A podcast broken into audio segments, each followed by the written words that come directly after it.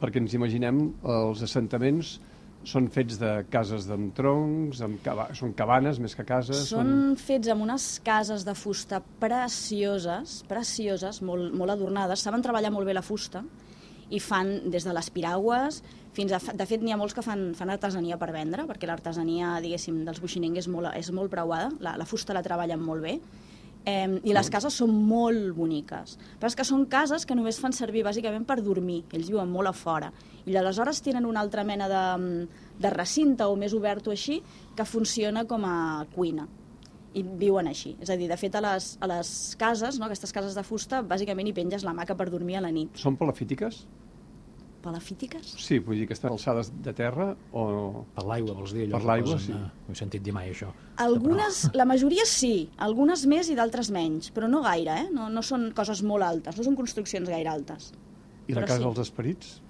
La Casa dels Esperits és una, és una edificació una mica més grossa, però de, de fet n'hi ha de diferents tipus. Hi ha altars, hi ha pròpiament cases dels esperits, i canvien una mica de mida i de, de com estan fetes. En aquest lloc n'hi havia una que estava feta, era una mica més grossa, era rodona, i estava feta com en palla, diria.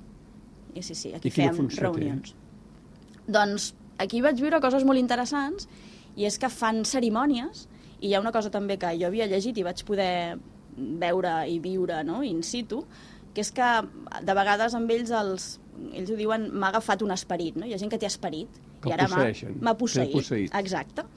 I aleshores comencen a parlar llengües rituals. També n'hi ha. També n'hi ha que n'hi ha algunes que són, se suposa, perquè no es poden estudiar gaire fàcilment, no et deixen gravar res a la, a la casa dels esperits, està prohibit Ni gravar. Ni prendre notes?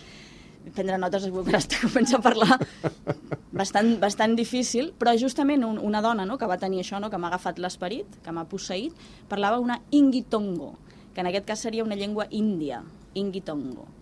Però n'hi ha d'altres que, o sigui, que tenen altres noms i que en principi tenen un, un component més, més fort, més potent de, de, de, de paraules africanes, no? d'origen africà. Calla,